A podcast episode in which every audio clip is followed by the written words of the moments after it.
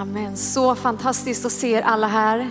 Jag hoppas att ni laddar om er energi nu och bara är redo för att höra ett ord ifrån Gud. Amen.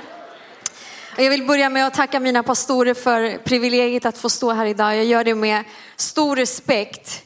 Och eh, jag måste säga att känslan att, att stå och prata till människor och inte bara en kamera är ganska fantastisk. Eh, vi har gjort det i nästan två år och eh, det känns så underbart att bara få se ansikten när man talar. Och eh, atmosfären som har varit här de senaste veckorna, visst har den varit fantastisk. Att bara få krama om varandra och det är som att ingenting har hänt, eller hur? Som att de här två åren inte existerar utan vi får bara ses igen och, och vi får mötas och det är så underbart. Vi befinner oss, som vi redan har hört den här morgonen, i en väldigt speciell tid. Som också kanske till och med känns lite skrämmande. Men jag är övertygad om att det är i just sådana här tider som Gud blir som verkligast i våra liv.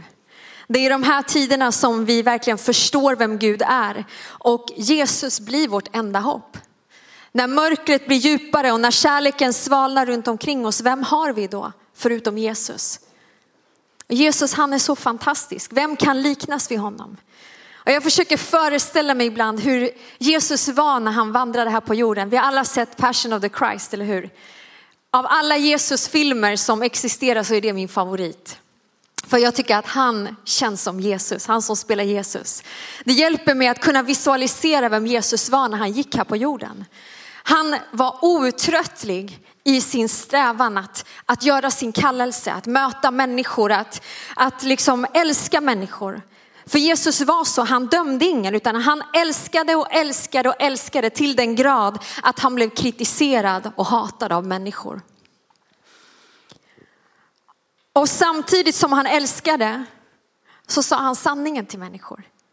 Han sa sanningen, det var i sanning han upprättade människor. Och precis som min bror pastor Mikael predikade här för två veckor sedan så var Jesus kärlek full av nåd och sanning. Han var ärlig mot människor. Tänk hur han mötte den här prostituerade kvinnan. Hon som skulle bli stenad till döds. Han fick alla att vända och gå. Han fick alla att backa och en förlorad själ blev vunnen av kärlek. För ingen som kom till Jesus kände sig fördömd utan bara älskad. Det var så Jesus var. Och min titel till er idag, det är Lost and found. Vi har alla varit förlorade en gång, eller hur? Men vi kan alla bli funna. Och eh, vi alla som sitter här idag, du som lyssnar där hemma, vi tillhör den ena eller den andra kategorin. Antingen så är vi förlorade eller så är vi vunna. Och att vara förlorad innebär att du står utan en relation med Gud. Du känner inte Gud, du kanske aldrig har mött honom. Eller så är det så att du en gång var funnen, men du har gått vilse, du har tappat din väg, du har gått bort från Gud. Men att vara funnen, det betyder att du är i en relation med Gud. Att du känner honom som din frälsare, som din vän. Men oavsett vilken av de här två kategorierna du tillhör, vem som du känner att, att du passar mest in i, så vill jag att du ska veta idag att det finns ingenting som är viktigare för Gud än just dig. Ditt liv, den du är. Och jag vill börja med att läsa från Lukas eh, evangelium kapitel 15. Och i det här kapitlet så visar, Jesus, visar oss Jesu hjärta.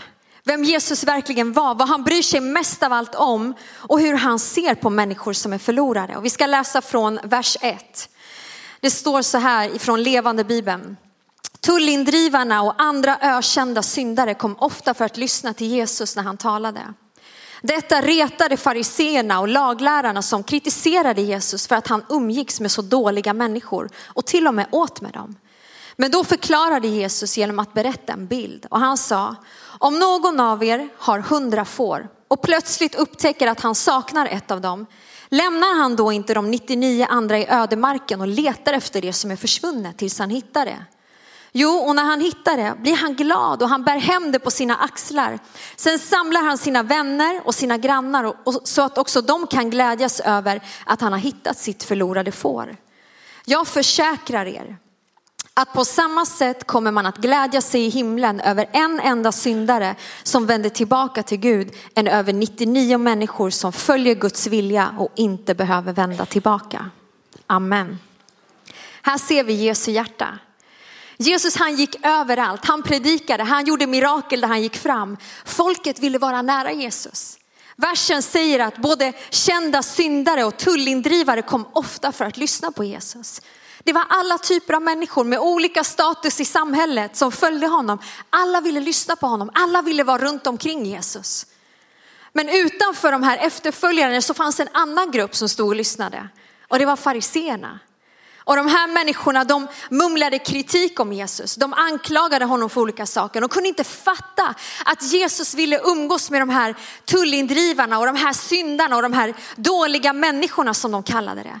Och det var inte direkt så att de försökte hålla tillbaka det här missnöjet och det här hatet som de riktade mot Jesus. Utan de sa det väldigt öppet. Men vi ser ju att ingen drogs till fariseerna.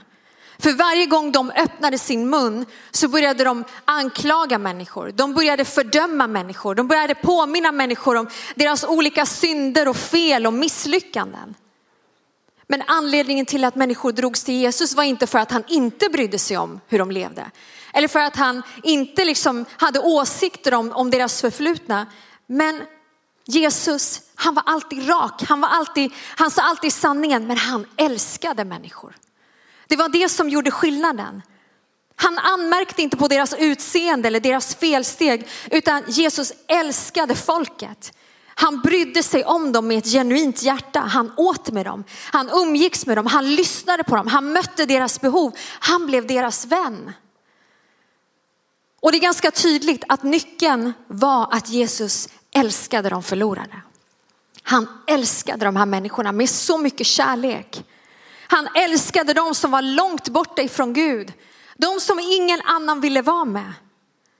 Men i fariseerna, de kritiserade Jesus för att han var med de här dåliga människorna. Men Jesus gör aldrig skillnad på människor. Och det var tydligt att han hade någonting som de saknade och det var kärlek. Och i den här berättelsen så berättar Jesus om herden och fåren, men i själva verket så är det här en berättelse om honom själv. Det är en berättelse om honom som herden och vi är hans får. Och han vill att vi genom den här berättelsen verkligen, verkligen, verkligen ska förstå hans hjärta. Att vi verkligen ska förstå hans kärlek till oss. Och vi läser att det, det var hundra får i den här flocken. Men ett av de här fåren går vilse på grund av sina egna val, sina egna beslut och han lämnar flocken och han, han går sin egen väg. Och när det här fåret försvinner från flocken så ser vi herdens direkta reaktion. Och vad är det? Jo, att lämna de 99 fåren för att springa efter det här enda fåret som har försvunnit. Hur hade vi tänkt? Jesus, han sa inte i det här fallet, ja men det här fåret får skylla sig själv. Han får, nu har han val, gjort det här valet, jag har ändå 99 andra fina, snälla, lydiga får som jag kan ta hand om här. Jag kan inte förstå att han väljer att gå sin egen väg.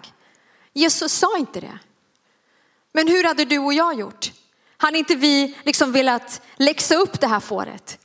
Hade inte vi velat lära honom en läxa så att han aldrig mer skulle lämna den här flocken? Säkert hade vi gjort så.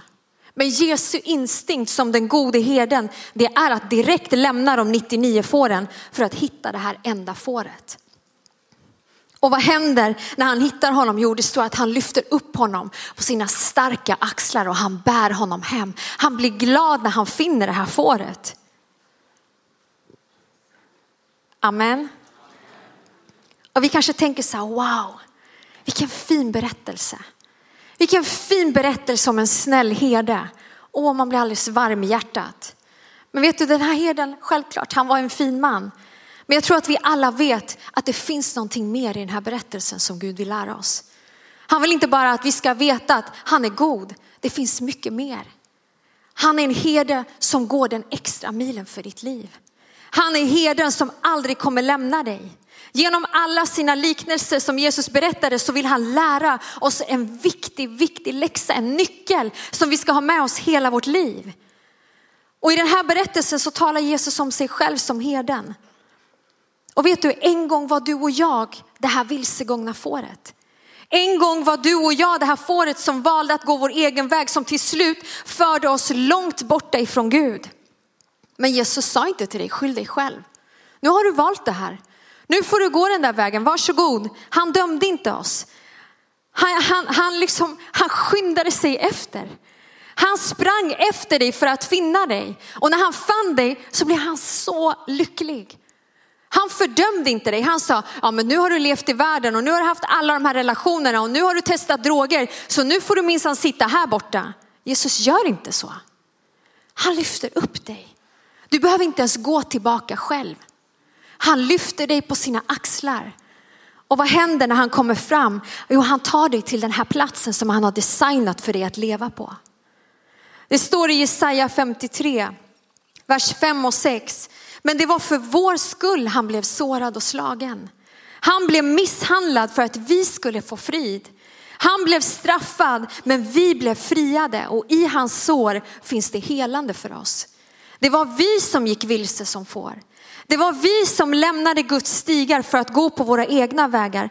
Ändå la Gud alla våra skulder och synder på honom. Amen. De här verserna säger att vi alla, alla människor, en gång var det där vilsegångna fåret. Men tack Gud att vi har en god herde som inte bara ser de här 99 som har gjort rätt utan som springer efter det här enda fåret som sprang efter dig och mig och gladde sig och firade vår comeback den dagen vi kom, hit, blev hittade och kom tillbaka till honom. Amen. Vet du, det är så här Jesus älskar de förlorade. Jesus älskar de förlorade. Det är inte så här, här är de som är funna och här är de som förlorade. De där är mindre värda för de har inte kommit till Jesus. Nej, han älskar de förlorade. Han ville hellre umgås med de som inte kände Gud. De som var långt ifrån, de som var utstötta, de som ingen tyckte om. Det var de Jesu hjärta gick ut för, mest av allt. Det finns inget avstånd som är för stort mellan ett förlorat får och hans herde för att han ska hitta det här, det här fåret. Det finns ingenting som kan hindra honom. Och det här är vår Gud, det här är vår frälsare. Men Jesus han ville att folket verkligen skulle förstå vad han menade. Så han stannade inte bara vid den här berättelsen om herden och fåret utan han fortsätter med nästa liknelse för att verkligen förtydliga hur mycket han älskar de förlorade. Och vi ska läsa från Lukas 15 och vers 8. Och Jesus säger så här, eller ta den här bilden. En kvinna har tio värdefulla silvermynt och tappar bort ett. Tänder hon då inte en lampa och vänder upp och ner på huset och letar i varje vrå tills hon hittar det? Och kallar hon inte sen på sina vänner och grannar för att de ska glädjas med henne? På samma sätt glädjer sig Guds änglar när en syndare omvänder sig. Det här är en annan historia med samma poäng. Och i den här berättelsen så pratar inte Jesus om en enkrona som liksom har ramlat mellan kuddarna i din soffa, utan det var någonting som var mycket mer värdefullt. Och alla de här människorna som lyssnade på Jesus, speciellt kvinnorna, kunde relatera till den här kvinnans desperation efter att hitta det här myntet, för det, det hade ett speciellt värde. Och det var så att kvinnorna på den här tiden, de, när de gifte sig så hade de en speciell huvudbonad med tio silvermynt. Och eh, det här, om vi liksom skulle jämföra det till idag så skulle det representera lika mycket som en vigselring ungefär. Så det här var någonting mycket, mycket värdefullt för den här kvinnan. Och eh, den hade inte bara ett värde liksom i pengar, den hade också ett känslomässigt värde för henne. Och för att hon skulle kunna bära den här huvudbonaden så behövde hon ha alla tio mynten. Och ni känner till husen också på den här tiden, de var små, de hade inte sådana här stora fönster som vi har idag, utan de kanske hade ett litet fönster. Det var mörkt i det här lilla huset. Och eh, Jesus, han liksom vill att vi ska förstå att det var inte lätt att hitta det här myntet. Men jag tror att du kan se framför dig hur den här kvinnan liksom börjar tända upp ljus och små lyktor i, i hela sitt lilla hus och hon liksom lyfter på möbler, hon börjar sopa, hon plockar och liksom försöker hitta det här myntet. Ni vet när man desperat letar kanske efter mobilen eller nycklarna. Det blir liksom kaos i hela, hela lägenheten. Men den här kvinnan hon letar tills hon finner det här myntet. Och vet du på samma sätt söker Jesus upp de förlorade. Han söker upp de förlorade. Han letar och letar och letar. Han vänder upp och ner på allt om han måste för att finna den här viktiga, viktiga, värdefulla personen. Jesus gör allt för att finna det som är, försvunnet. Och ni känner till att här i Sverige så har vi olika organisationer som till exempel Missing People. Och de engagerar sig att leta efter försvunna personer. De kan leta dag och natt i, i flera, flera dagar för att hitta den här personen. Men det som kännetecknar ett sånt här sök och räddningsuppdrag, det är ju att det sker för saker som har ett värde och i det här fallet en person, eller hur? Missing people skulle inte liksom gå ut och leta efter dina nycklar eller din mobiltelefon eller någonting annat, utan de letar efter saker som har ett värde. Människor har ett värde. Och när jag förberedde mig så blev jag påmind om ett tillfälle, jag kommer inte ihåg hur gammal jag var, jag kanske var runt tio år. Och mina föräldrar hade, trodde att jag hade försvunnit, blivit kidnappad. Och eh, jag hade sovit över hos en kompis. Eh, och eh, den här kompisen och hennes familj skulle gå på ett bröllop. Och det var på den här tiden man hade inte iPhone, man hade inte eh, Find My iPhone, man hade ingen mobiltelefon, inget sånt existerade. Man hade en fast telefon, man hade i bästa fall en telefonsvarare. Så försök inte tänka ut min ålder, det var länge sedan. I vilket fall så skulle den här kompisen och hennes familj på ett bröllop och jag skulle sova över där då till den dagen då de skulle iväg. Men de frågade lite osvenska som de var om jag ville följa med på det här bröllopet. Det skulle vara i en trädgård hemma hos några vänner så det var väldigt så här enkelt och spontant. Och eh, självklart tänkte jag, jag gillar bröllop. Så eh, jag ringde mina föräldrar, det var ingen hemma. Jag lämnade ett meddelande på telefonsvararen och sa att jag kommer inte komma hem den tiden vi har sagt. Och sen tänkte inte jag mer på det. Eh, jag bodde ganska långt borta, eller min kompis bodde långt borta från mig och jag skulle åka hem själv. Och eh, klockan går och jag kom inte hem. Och mina föräldrar blir ju otroligt oroliga och eh, rädda. Liksom hur, de kunde inte hitta mig någonstans. Vem ska man ringa en lördag? Liksom? Det är ingen som svarar, ingen är hemma. Och eh, för att snabbspola den här berättelsen så blev det så att polisen blev inblandad. Eh, mitt namn ropades ut på alla pendeltågstationer. Ett signalement gick ut på hur jag såg ut. Eh, men då blev mamma detektiv och hon började ringa runt och till slut så fick hon tag i min kompis mormor som hittade den här bröllopsinbjudan i någon papperskorg och telefonnumret dit och så vidare. Så lyckades hon få tag på mig och eh, de kunde andas ut så de var jätteglada. Jag önskar bara att de hade lyssnat på telefonsvararen. så var det på den tiden. Men vet du, kontentan av den här berättelsen är att jag vet att mina föräldrar hade gått genom eld och vatten för att hitta mig. Varför? För jag var dyrbar för dem. Jag hade ett värde och ingenting den dagen var mer viktigt än att finna mig. Och på samma sätt så är Jesus passionerad för att finna förlorade själar. Han kan göra vad som helst. Han kommer gå genom eld och vatten för att finna dig. Eller om du har familjemedlemmar som inte känner Gud, du måste tro att Jesus kommer att finna dem. Han kommer finna dem. För han älskar dem så mycket. Han älskar inte vissa människor mer. Han älskar alla förlorade lika mycket. Amen. Ni kan ge en applåd till Jesus och dricka lite vatten. Han är så god. De här människorna har ett sånt värde för Jesus. Och det var därför Jesus delade just de här två liknelserna med skatteindrivarna och de här syndarna. För hans hjärta för de förlorade, det, det, det var så starkt. Det var så mycket kärlek och han ville verkligen finna dem. Hans hjärta för de förlorade, det var motivationen till varför han dog på korset för oss. Det var det som drev honom dit. Så bara tänk hur värdefull det gör dig för Gud. Hur värdefull ditt liv är för Jesus. Jesus kom för syndarna. Han gav sitt liv. Han värderade dig tillräckligt mycket för att han skulle lämna de 99 för att finna dig. Och Jesus han gläds när de, när de förlorade blir funna. Han gläds när han finner dem.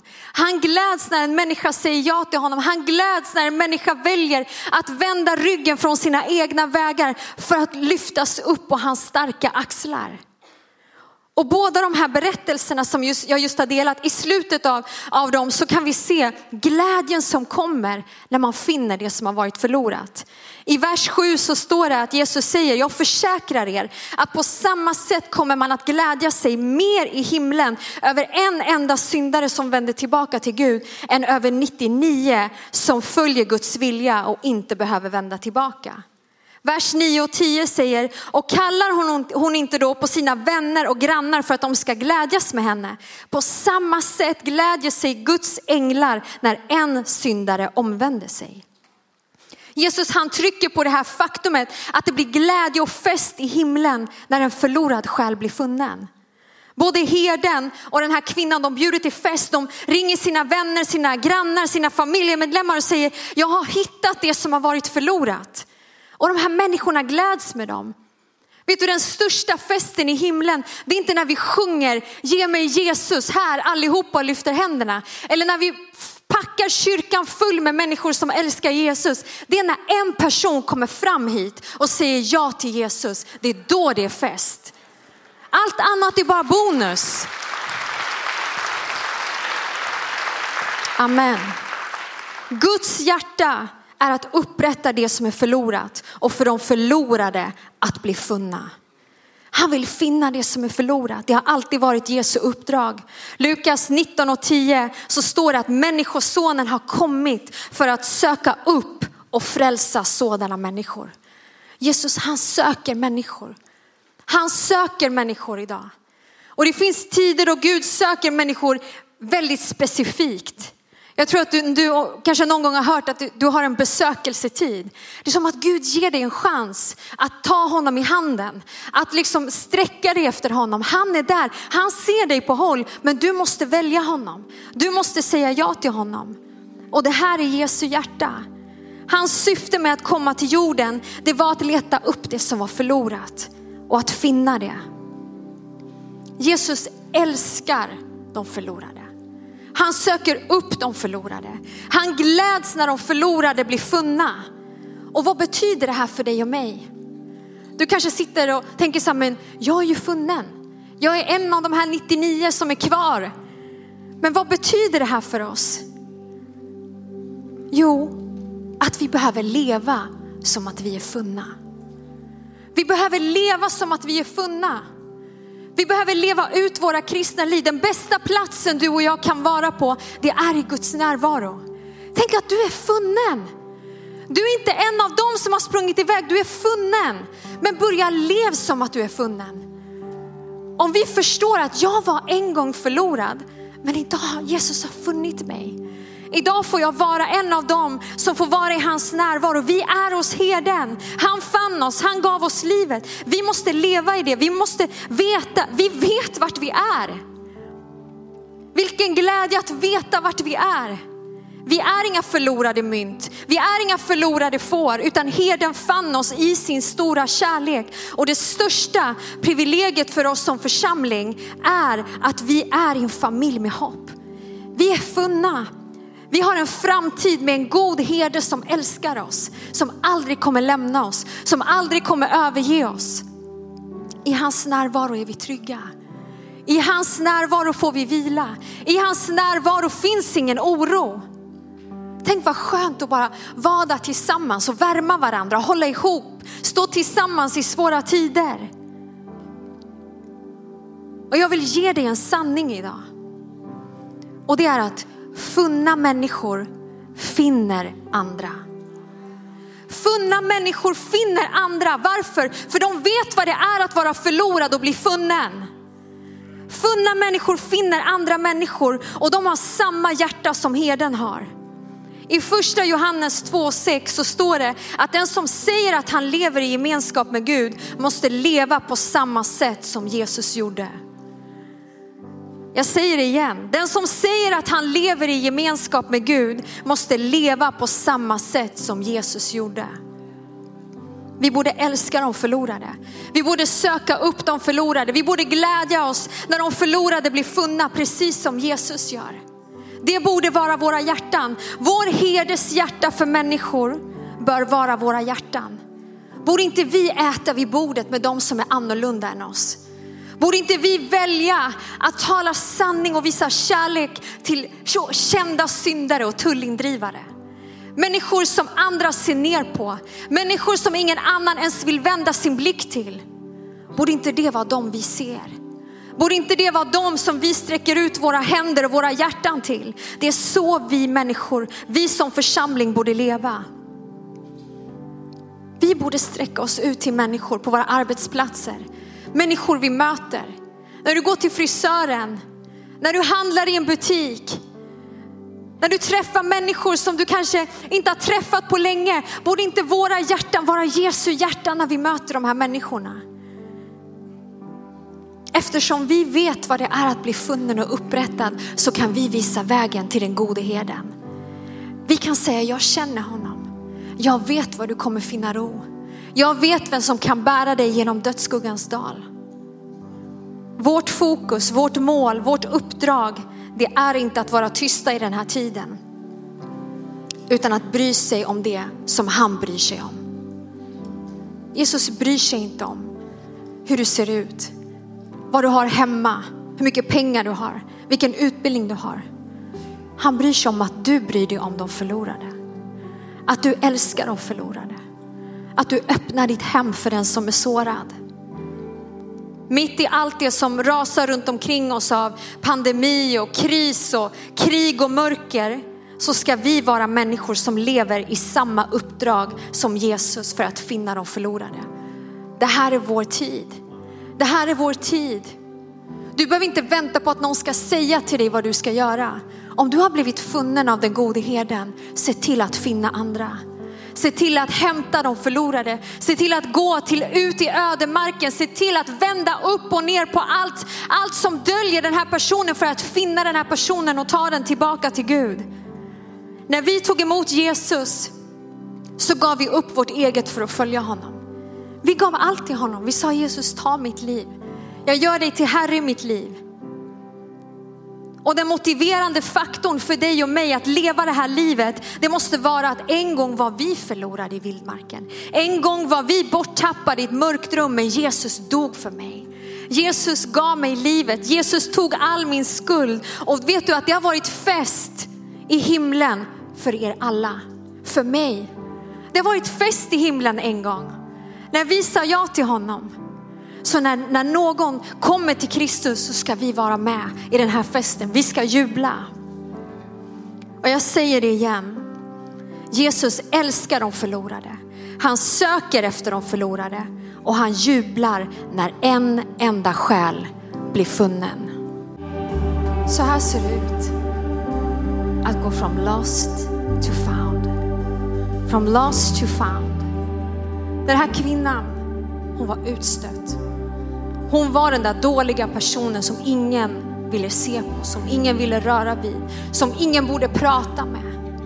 Men Jesus såg henne. Jesus dömde inte henne. Han såg inte alla hennes fel och alla hennes brister, utan han räckte ut sin hand till henne. Han reste henne upp och han sa synda inte mer. Synda inte mer. Han visade sin kärlek till henne. Hon var så mycket värd i hans ögon. Ibland tror vi att vi, vi förtjänar inte att komma till Gud. Vi har inte gjort tillräckligt bra saker eller vi har gjort för mycket dåliga saker. Men Jesus ser inte på oss så. Han ser att du var förlorad, men jag vill finna dig. Jag vill finna dig. Jag vill ta dig tillbaka till den platsen som jag har tänkt att du ska vara på. Jag vill ta dig in i arken, in på en plats av beskydd. Och jag vet inte vilken kategori du skulle säga att du bekänner dig till idag. Förlorad eller funnen. Om du inte har en relation med Gud, om du känner dig förlorad så är det här dagen då du kan bli funnen. Det här är dagen då Gud vill ta dig nära sitt hjärta. Det här är dagen då han vill lyfta upp dig på sina axlar. Han älskar dig mer än någonting annat. Du är så värdefull för honom. Du är så älskad av honom. Han söker dig, han letar efter dig, han vill ta dig tillbaka. Han bryr sig inte om vad du har gjort. Han bryr sig om ditt hjärta. Han bryr sig om ditt ja. Han bryr sig om att du tillåter honom att lyfta upp dig. Hela dina sår. Ta dig tillbaka. Och det spelar ingen roll hur långt borta du är, det finns alltid en väg tillbaka till Gud. Men det kanske är så att du också har försökt springa bort från Gud. Du kanske har sprungit och sprungit och sprungit. Du orkar inte mer. Och jag vill säga till dig idag, vänd om. Stanna. Vänd om. Stanna. stanna och låt Gud finna dig. Stanna och bara hör hans röst. Stanna. Spring inte längre. Försök inte ha en massa åsikter och, och liksom hitta anledningar till att du inte ska vara där Gud är. För han vill bara finna dig. Han kräver ingenting av dig. Han älskar dig. Han älskar dig. Du är så dyrbar, så värdefull. Så spring inte mer. Kämpa inte emot mer. Utan kom till Jesus. Stanna och låt honom finna dig. Precis som han räckte ut sin hand till den här kvinnan som trodde att det här, hennes stund var kommen. De skulle stena henne till döds på grund av alla hennes synder. Jesus bara sträckte ut sin hand till henne. Han sa kom, följ mig, men synda inte.